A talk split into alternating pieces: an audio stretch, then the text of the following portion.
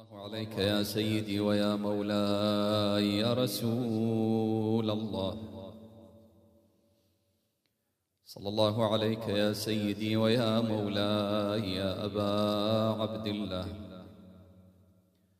يا رحمة الله الواسعة ويا باب نجاة الأمة. وسراج الظلم غريب مظلوم كربلاء ما خاب والله من تمسك بكم أمنا من لجأ إليكم يا ليتنا كنا معكم سادتي. فنفوز والله فوزا عظيما.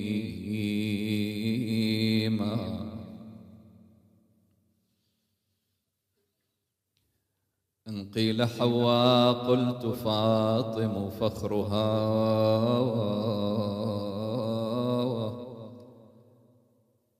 أو قيل مريم قلت فاطم أفضل.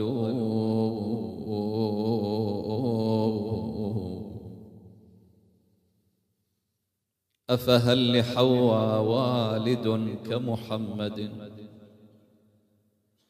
أفهل لحواء والد كمحمد.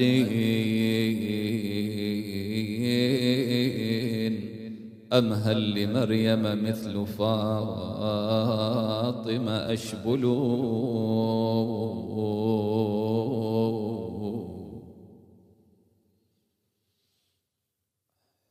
كل رأى حين الولادة حالة. منها عقول ذوي البصائر تذهل. هذه مريم.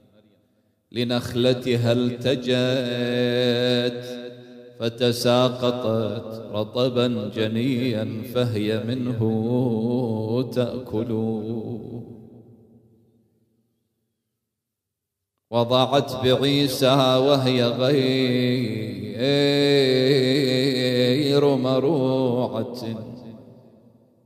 مروعة رواية تقول نزل جبرائيل يحرس مريم وقت ولادتها.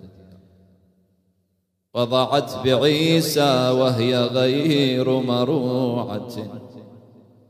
أنا وحارسها السري أبسلوه.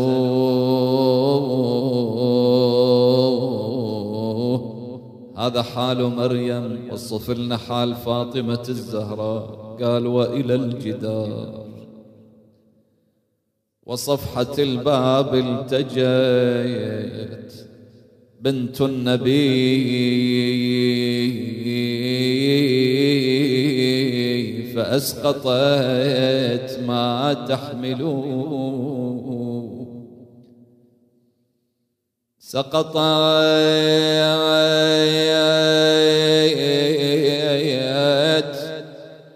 وأسقطت الجنين وحولها من كل ذي حسب لئيم جحفل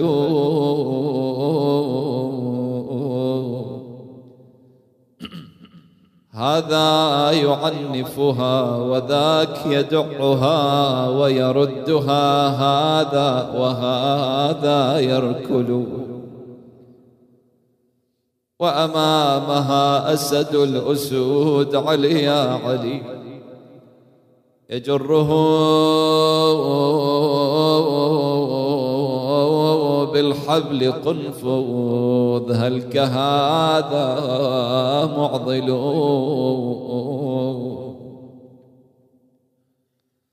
وتاليها الشجان وزاد هم وزيد الغم وارخص غالي دموعي واجرى من الجفن دمي. حين صاحت الزهرة خلوا عن النبي عمي صاح الرجس يا قنفوذ ولك بالسوط رد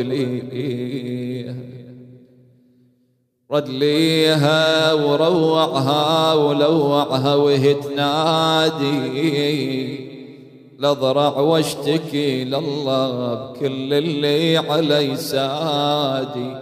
لو خلوا علي الكرار لتيتمون أولادي. تصرخ والعصا وإله تتلو على إيديها. إنا لله وإنا إليه راجعون والعاقبة للمتقين ولا عدوان إلا على الظالمين. وسيعلم الذين ظلموا أي منقلب ينقلبون. بسم الله الرحمن الرحيم. وامرأته قائمة فضحكت. فبشرناها بإسحاق. ومن وراء إسحاق يعقوب. آمنا بالله. صدق الله مولانا العلي العظيم. طيبوا أفواهكم ونوروا مجالسكم بذكر الصلاة على محمد وآل محمد. اللهم صل على محمد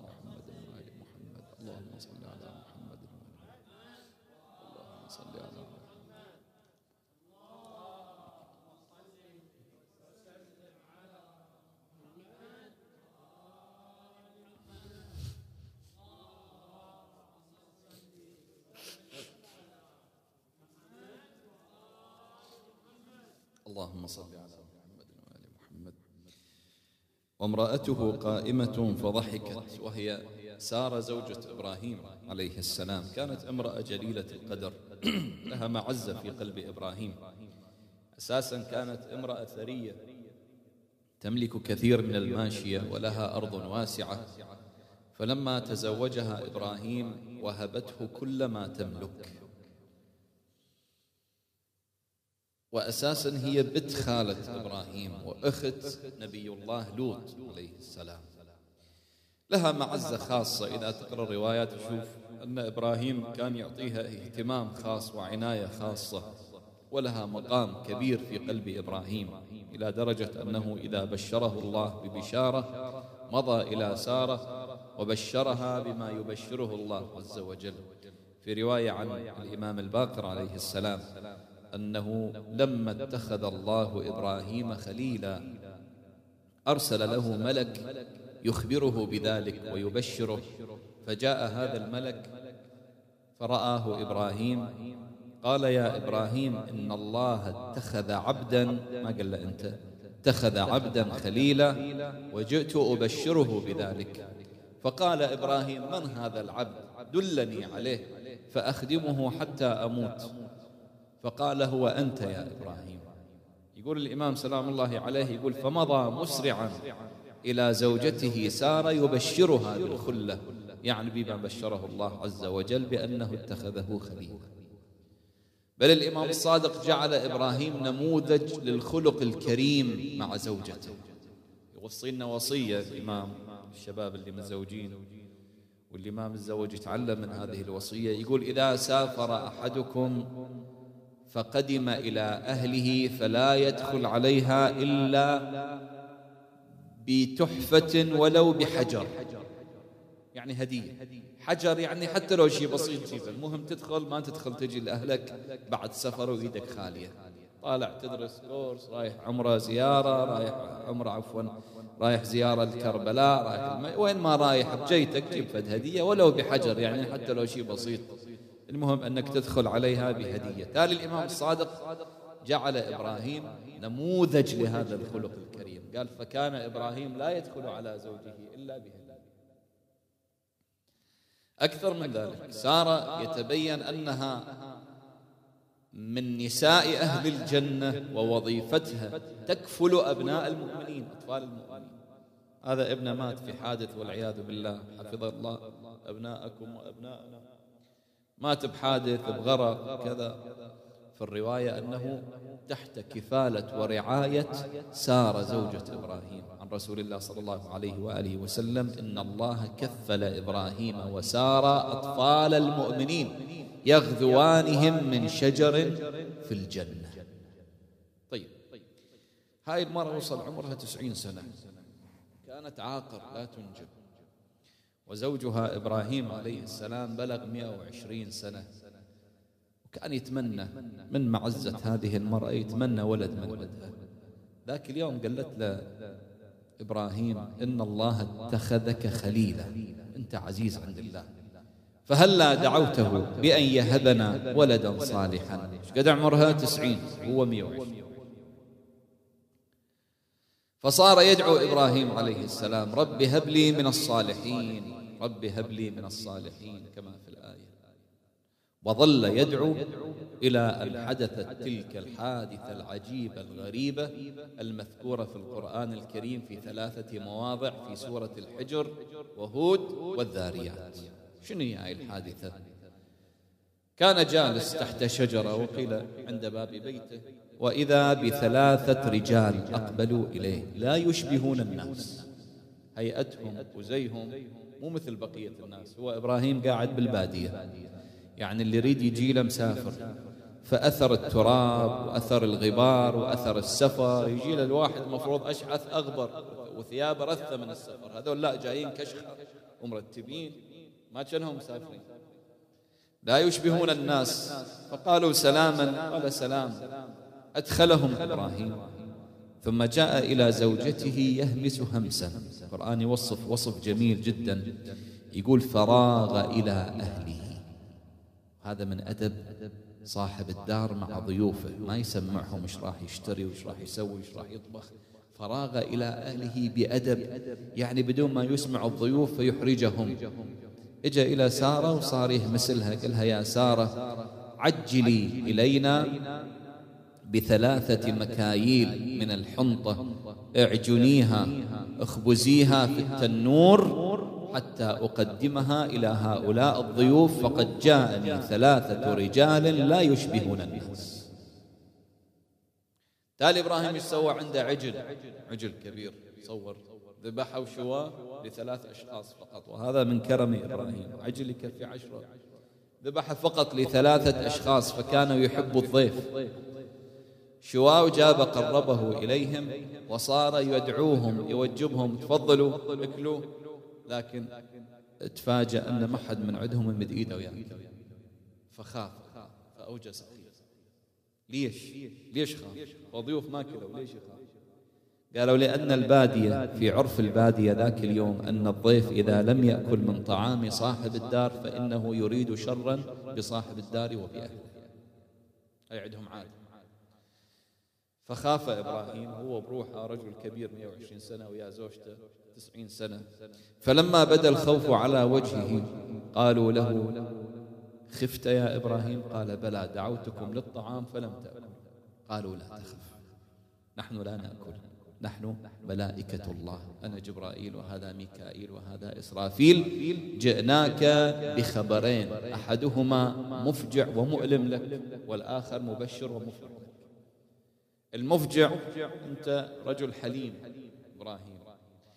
فإحنا راح نجيب لك هذا الخبر ويأذيك وهو أن عذاب قوم لوط قد اقترب سنقلب عاليها سافلها ذلك الله عز وجل يقول؟ يقول يجادلنا في قوم لوط. ظل يجادلهم يقول لا شوي أخروا ترى بيهم جماعة مؤمنين هذول ما يشفع لهم لا تنزلون العذاب. يجادلنا في قوم لوط.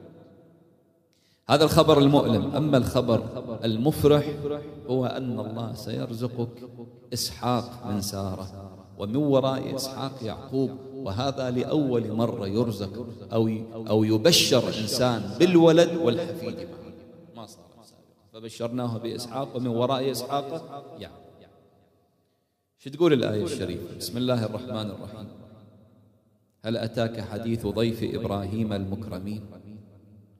إذ دخلوا عليه فقالوا سلاما قال سلام قوم منكرون. فراغ إلى أهله فجاء بعجل سمين. فقربه إليهم قال ألا تأكلون؟ فأوجس في نفسه خيفة فقالوا لا تخف. وبشروه بغلام عليم. طيب. زوجته سارة داخل الدار سمعت الخبر سمعت السالفة. جاءت منفعلة فقدت أعصابها. مرة عمرها 90 سنة تنتظر ولد والآن بشروها. هم عاقر وهم عجوز. القرآن يقول فأقبلت امرأته في صرة. شنو يعني صرة؟ صراخ منفعلة صوتها عالي. فصكت وجهها وقالت عجوز عقيم طيب لاحظوا إخواني بعد هذه القصة السريعة لاحظوا القرآن يرسم لنا لوحة عجيبة غريبة يصف فيها طبيعة الرجل الذكورية وطبيعة المرأة الأنثوية. اللي يمثل طبيعة الرجل إبراهيم واللي يمثل طبيعة المرأة سارة. كلاهما بشر بنفس البشارة. كلاهما وصلهما نفس الخبر يمسهما بنفس الدرجة. سارة عمرها تسعين سنة وتنتظر ولد والآن جو لها قالوا لها راح الله يهبك. ولد وإبراهيم عمره 120 سنة وينتظر ولد من سارة الآن خبروه. لكن تعال شوف ردة فعل الرجل كيف تختلف عن ردة فعل المرأة وكيف يصفهما القرآن الكريم. إبراهيم من خبروه مسكين ما أبدأ إلا هذا. هذا ردة فعلها كلها. ردة فعل إبراهيم هي هاي. من خبروه بالبشارة قال أبشرتموني على أن مسني الكبر فبما تبشرون بس هي البشارة من عندكم لو من عند الله. قالوا بشرناك بالحق من الله عز وجل. فلا تكن من القانطين. لا تقنطي اسم رحمة الله. قال وهل يقنط من رحمة ربه إلا الضالون؟ لا هذا مو قنوط. لا تفتهمون غلط. هذا تعجب كيف أن الله يغير نواميس هذا الوجود وقوانين هذا الكون دون أن يخل بتوازن هذا الوجود. وإلا امرأة عمرها تسعين سنة وتلد.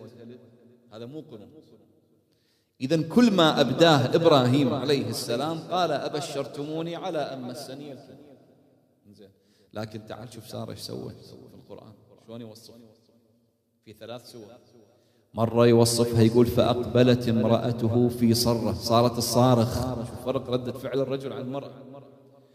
ومرة يقول شايف المرأة يجيب لها خبر عجيب غريب تنصدم منها شو تسوي؟ تلطم خدها. يقول فصكت وجهها وقالت عجوز ومرة يقول لا صارت تضحك. فقدت فقدت أعصابها. وامرأته قائمة فضحك ومرة يقول صارت تدعو بالويل قالت يا ويلتاه. أألد وأنا عجوز وهذا بعلي شيخة إن هذا لشيء عجيب. لاحظ الاختلاف بردود الفعل بين الرجل إبراهيم وبين المرأة سارة بل أكثر من ذلك. ردة فعل الملائكة تجاه إبراهيم وسارة مختلفة. الملائكة الثلاثة اللي قاعدين. عاملوا إبراهيم بطريقة وعاملوا سارة بطريقة ثانية. إبراهيم مسكين إيش قال؟ ما قال. قال أبشرتموني على أن مسني الكبر. هو كل هذا اللي قال. لكن إجت ردة الفعل شديدة صارمة من عند الملائكة. قالوا بشرناك بالحق فلا تكن من القانطين. شديدة. لكن عاملوا سارة بكل لطف بهدوء وبرق. قالوا أتعجبين من أمر الله رحمة الله وبركاته عليكم أهل البيت إنه حميد مجيد. وفي آية أخرى قالوا كذلك قال ربك. ما أدري ملاحظ شلون الملائكة عاملت إبراهيم وشلون عاملت سارة ليش لما تجي وتتأمل بهالطريقة وتشوف كيف يحدثون الرجل وكيف يحدثون المرأة تعرف أن القرآن قاعد يرسم لنا يوصل لنا رسالة غير مباشرة. يقول ترى طبيعة الرجل تختلف عن طبيعة المرأة. أنت كرجل غير المرأة. أنت أقدر وأجدر على كتم عواطفك على كتم مشاعرك على كظم غيظك. بينما المرأة قدرتها أضعف. المرأة إذا غضبت ظهر الغضب على وجهها. إذا حزنت لا تملك أن تمسك دموعها. إذا تألمت بان الألم على وجهها. مع أن في كثير من البيوت إحنا كرجل شرقي نطالب بالعكس. أنت يا مرة إذا غضبتي لزمي عواطفك.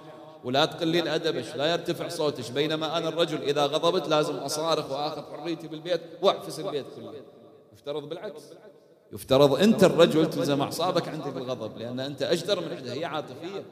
هي ما تمسك نفسها هي أقل قدرة من عندك على كظم غيظها على مسك أعصابها. اللي نطالب به بالعكس.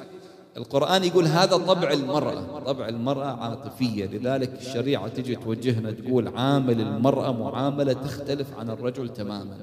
أما كانت أو بنتا أو زوجا. أما زوجة رواية كلكم حافظينها. رفقا بالقوارير. ليش قوارير؟ قوارير بسرعة تنكسر ما تتحمل. عاطفة. وإذا انكسرهم صعب ترجعها الأمة كما كان. إذا بنت رسول الله صلى الله عليه وآله وسلم يقول إذا عندك بنات وأولاد قدم البنات على الأولاد. وتقدم الأولاد. يعني عكس الثقافة الجاهلية اللي كانت موجودة بذاك اليوم تماما كسر هذه الثقافة الإسلام. قال عندك بنات نعم الولد البنات رسول الله صلى الله عليه وآله وسلم. ملطفات مسكنات مؤنسات أنس. هذه البنت. تبقى لك وفية طول عمرها هذه البنت. إذا موجودة بالبيت تخلق جو من الوئام من الرحمة في هذه الدار.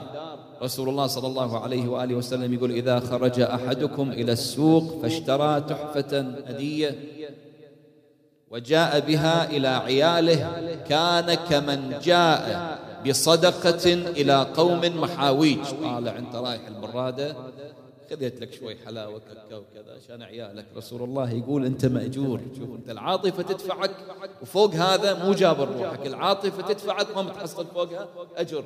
يقول أنت عند الله مثل هذا اللي ماخذ صدقة موديها إلى قوم محاويج محتاجين. تالي شو يقول صلى الله عليه وآله وسلم؟ يقول إذا دخلت البيت وليبدأ بالإناث قبل الذكور. قدم البنت دائما. قبلاتك أعطيها للبنت أولا. حضنك أعطيه للبنت أولا. كلمة طيبة أعطيها للبنت بعدين الولد. ليش؟ راعي الفروقات الفردية بين الأنثى والذكر. هذه تحتاج رعاية خاصة. أسلوبك مع الابن قد يكون قاسي قد يكون شديد. الكلمات اللي تستخدمها مع الولد غير مع البنت. البنت حافظ لها على بنوثتها وعلى رقتها طيب هذه الزوجة وهذه البنت ماذا لو صارت أما؟ هي هاي المرأة. ماذا لو صارت الإسلام؟ شلون ينظر لها؟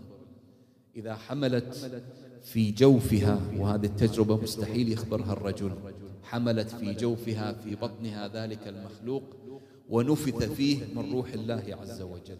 شو تصير هذه المرأة؟ تجرب الآن؟ خلي شوي بس ألم حبة تطلع على جسمك تتحمل. ما تتحمل. تتأذى والمرأة تسع أشهر تأمل بها شوف قد صعبة تسع أشهر مخلوق في مخلوق. كائن حي في كائن. سبحان الله. أكو تجربة سووها. موجودة تلقاها باليوتيوب. سرير في أسلاك للرجال المتطوعين من الرجال. هذه الأسلاك يحطونها على الجسد وتجيب صدمات كهربائية ذبذبات كهربائية تعطي ألم مثل ألم الطلق عند المرأة. ألم شبيه بألم الطلق. فيرفعون هذه الآلام يرفعونها على الرجل متطوعين فإلى درجة يقول بس خلاص ما أتحمل أكثر رجل أكثر رجل تحمل الآلام أكثر رجل صبر على السرير.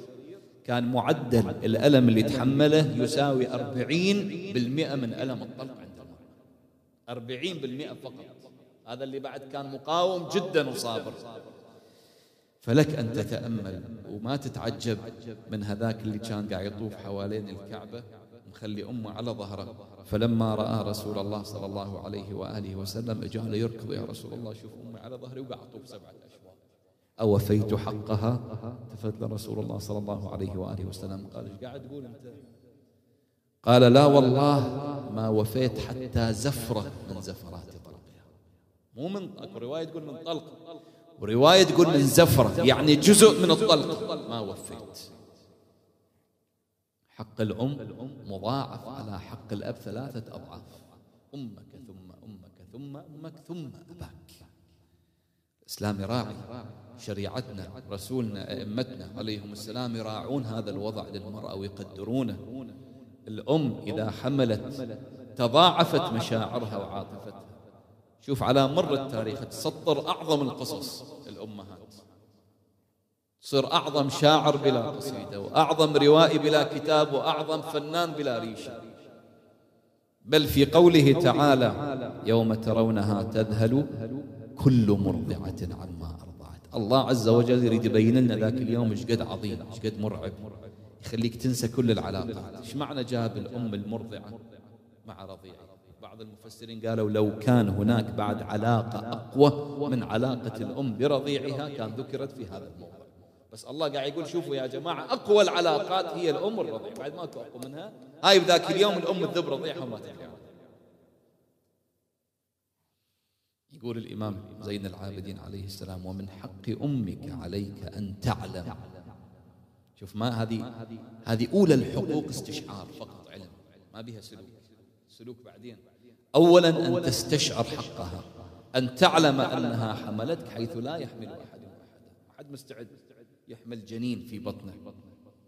وغذتك من ثمرة قلبها حيث لا يغذي أحد أحدا شايف؟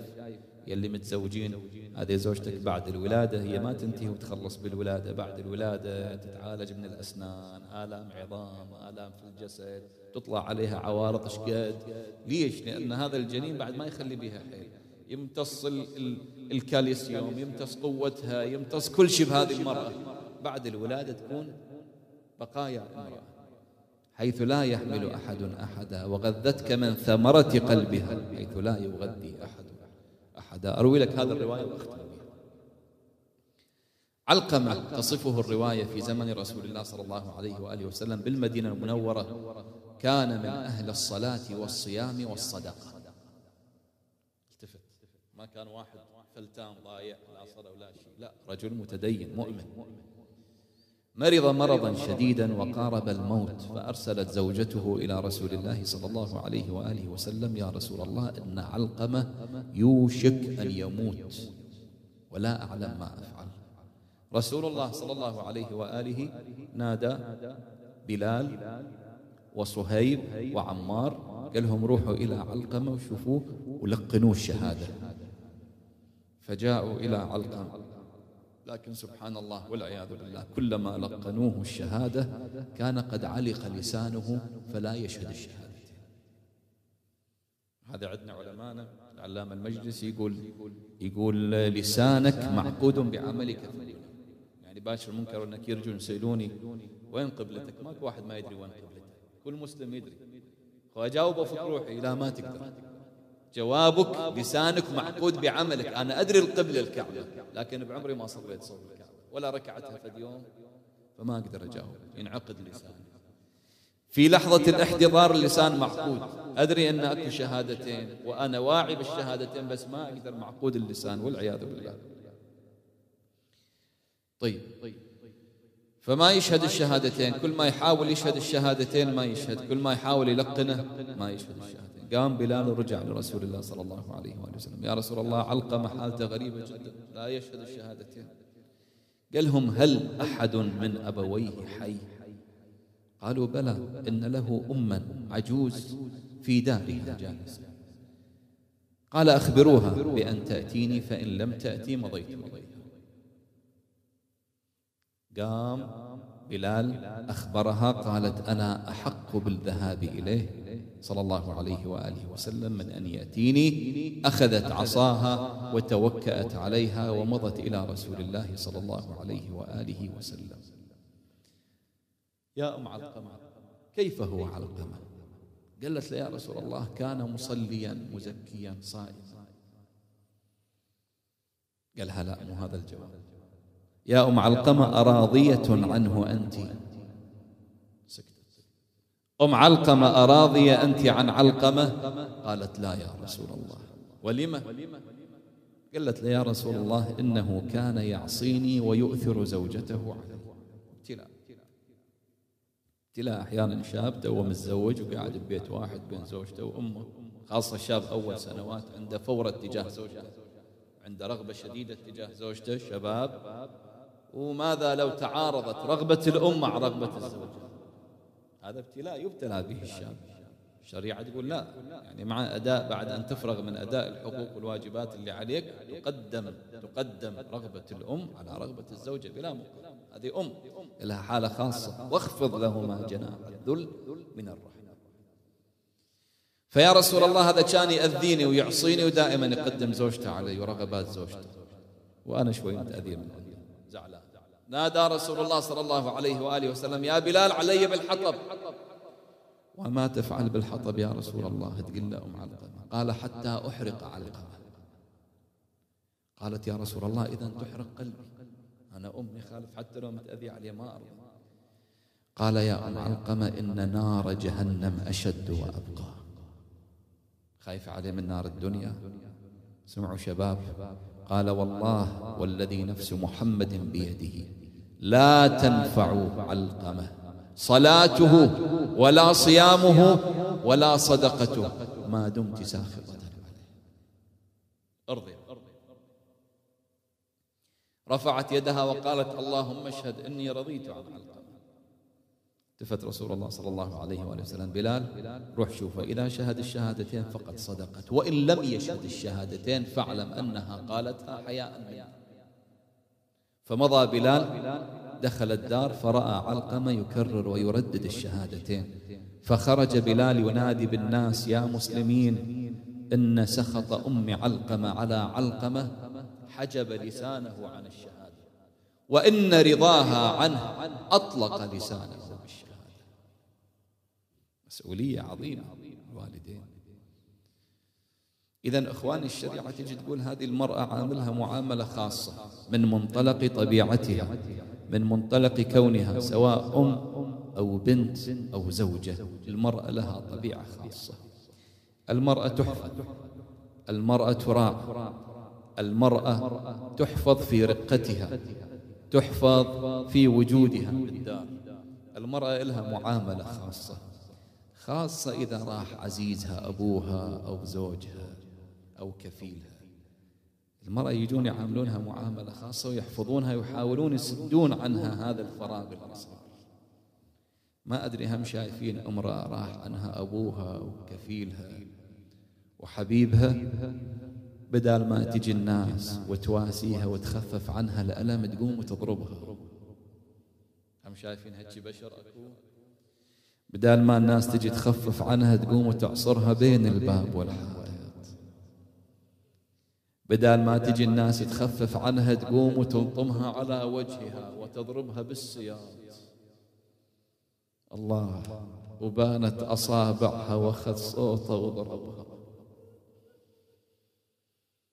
وقالها يا فاطم حجرتك لازم أطبها وحط قوته بالباب يا شيعة وعصر. وانفتح باب الدار والزهرة بلا خمار ولجل الستر لاذت ما بينه وبين الجدار آمر على أصحابه وهجم بيهم على الدار. الله يا أبا الحسن سيدي ومولاي. شلون حالك بعد الزهراء؟ سلام الله عليها. يقول عمار دخلت عليه شفته قاعد ودموعه جارية على خديه غاب عنا فترة طويلة تأذينا من غيابه. قام ما يطلع إلا للصلاة أو لزيارة زيارة قبر رسول الله صلى الله عليه وآله وسلم بعد وفاة الزهراء. يقول اجتمعنا كلنا اختاروا عمار قالوا روح أنت شوف الإمام إيش حاله ليش ما يطلع؟ يقول دخلت عليه شفته قاعد وجالس جلسة الحزين الكئيب. الحسن عن يمينه والحسين عن شماله. كسر خاطري أبو حسين قلت له سيدي أتأمرون الناس بالصبر وتجزعون؟ يقول رفع راسه قال لي عمار إيش قاعد؟ تقول تدري أنا صابر على يا مصيبة؟ عمار إن الصبر عمن فقدته لعزيز إني فقدت رسول الله بفقدي فاطمة. يا عمار كانت عزاء وسلوة لي عن رسول الله. إذا مشت حكت كريم قوامه وإذا نطقت ملأت سمعي بكلامه. لكن هذا كله بصوب خلي يا عمار. تدري شو اللي آذاني أكثر وأكثر. شنو سيدي ومولاي؟ قال يا عمار ذاك اليوم مددتها على صخرة المغتسل بظلام الليل. عمار وأنا أغسلها شف الضلع من أضلاعها مكسور. أثاري كاسرين ضلع الزهراء. بعد أبو حسين شايفين الميت يكفنونه؟ يعقدون بثلاث عقد عقدة ما يلي الرجل وعقدة بالوسط وعقدة إلى ما يلي الرأس. أمير المؤمنين وضع فاطمة في أكفانها. عقد العقدة الأولى إلى ما يلي الرجل ثم في وسطها. لكن من اجى إلى الرأس توقف قليلا. كشف وجه الزهراء وصار ينظر إليه. سادتنا بالمجلس الشاف أمير المؤمنين بعين الزهراء. الله شاف اللطمة على عين فاطمة. شاف العين حمرة قال انتظر قبل لا أغطي فاطمة خل يجون الأولاد يودعونها. نادى حسين حسين زينب أم كلثوم هلموا إلى وداع أمكم فاطمة؟ فهذا الوداع واللقاء يوم القيامة. اجوا الأولاد والبنات. أمير المؤمنين ابتعد خطوات عن جسد الزهراء يريد يشوف أولاده شو يسوون. وإذا بزينب تقبل رجل أمها يما فاطمة أنا بنيتك زينب ردي عليه يما يا يما يا يما يما البيت البيت البيت ظل خالي بلياك يما البيت ظل خالي بلياج بلياج بلياج ما ينحمل يا يما فرقاج. يا ليت يا ليت يا ليت اندفن يا غالية ويا سيدي يا علي هذه حال زينب بعد. كأني بالإمام يقول كسر خاطر الحسين. رأيته يقلب وجهه على صدر فاطمة. يقولها يما أنا ابنك الحسين بسايلك يما وريد تجاوبيني. يما لا فرقوا بينك بيني في وين في وين يا يمه تجيني. كأنما صوت طلع من الزهراء يما أباجيك في يوم عاشر أباجيك في يوم عاشر وانت على التربان عافير. يما واللي بعد يكسر الخاطير. مرضوض مرضوض صدرك بالحوافي حملها أمير المؤمنين وضعها في نعشها. راد يحمل النعش ما قدر. سلام الله عليه. ليش يا علي مو أنت البطل الكرار؟ حامل باب خيبر. لأن علي كسرت ظهره المصائب ما خلت بي قوة أمير المؤمنين. نادى سلمان أبو ذر عمار أعينوني على حمل فاطمة. حملت جنازة الزهراء بشو خطوات بظلام الليل وإذا بصوت الحنون زينب زينب زينب. ريض ريض. يا شيال نعش الطاهرة. ابهانك على كيفك بويا. بهانك من تسير على الثرى. تراه ترى ضلوع أم الحسين مكسرة. والصحيدار من ينزلها القبور. لا يوسدها على خدها المنسطور بدلايل كم ضلعها المنكسور. وضعها أمير المؤمنين في لحدها. أهال التراب عليها. أمر الحسن والحسين أن يرجعا إلى زينب أمر سلمان وعمار وأبو ذر بالانصراف. قعد عند قبر فاطمة. يا زهراء يا مغيبة عن عيلتك وسط الترايب. قومي شوفي راس ابو الحسنين شايب. من بعد عينك هلت علي المصايب. فرقوا شماتة وعيلتك بالدار يبكون. لا قلت باسل للحسن صيح لي حسين. طلعت ورايا تعتفر فخر النساء وين؟ تصيح ودت العزيزة يا علي وين؟ ومن تنتحب زينب تخلي الكل يبكون. هذا ينادي للوطن ما ردت أمي. وهذا يكفكف دمعته وينوح يمي. ونحبة غريب الغاضر يتزيد همي. من يسمعون لصاحته كلهم يصيحوا. آه والباب والجدار والدماء. شهود صدق ما به خفاء. يا الله يا الله يا الله يا الله. إلهي بفاطمة وأبيها وبعلها وبنيها والسر المستودع فيها. يا الله يا الله يا الله يا الله.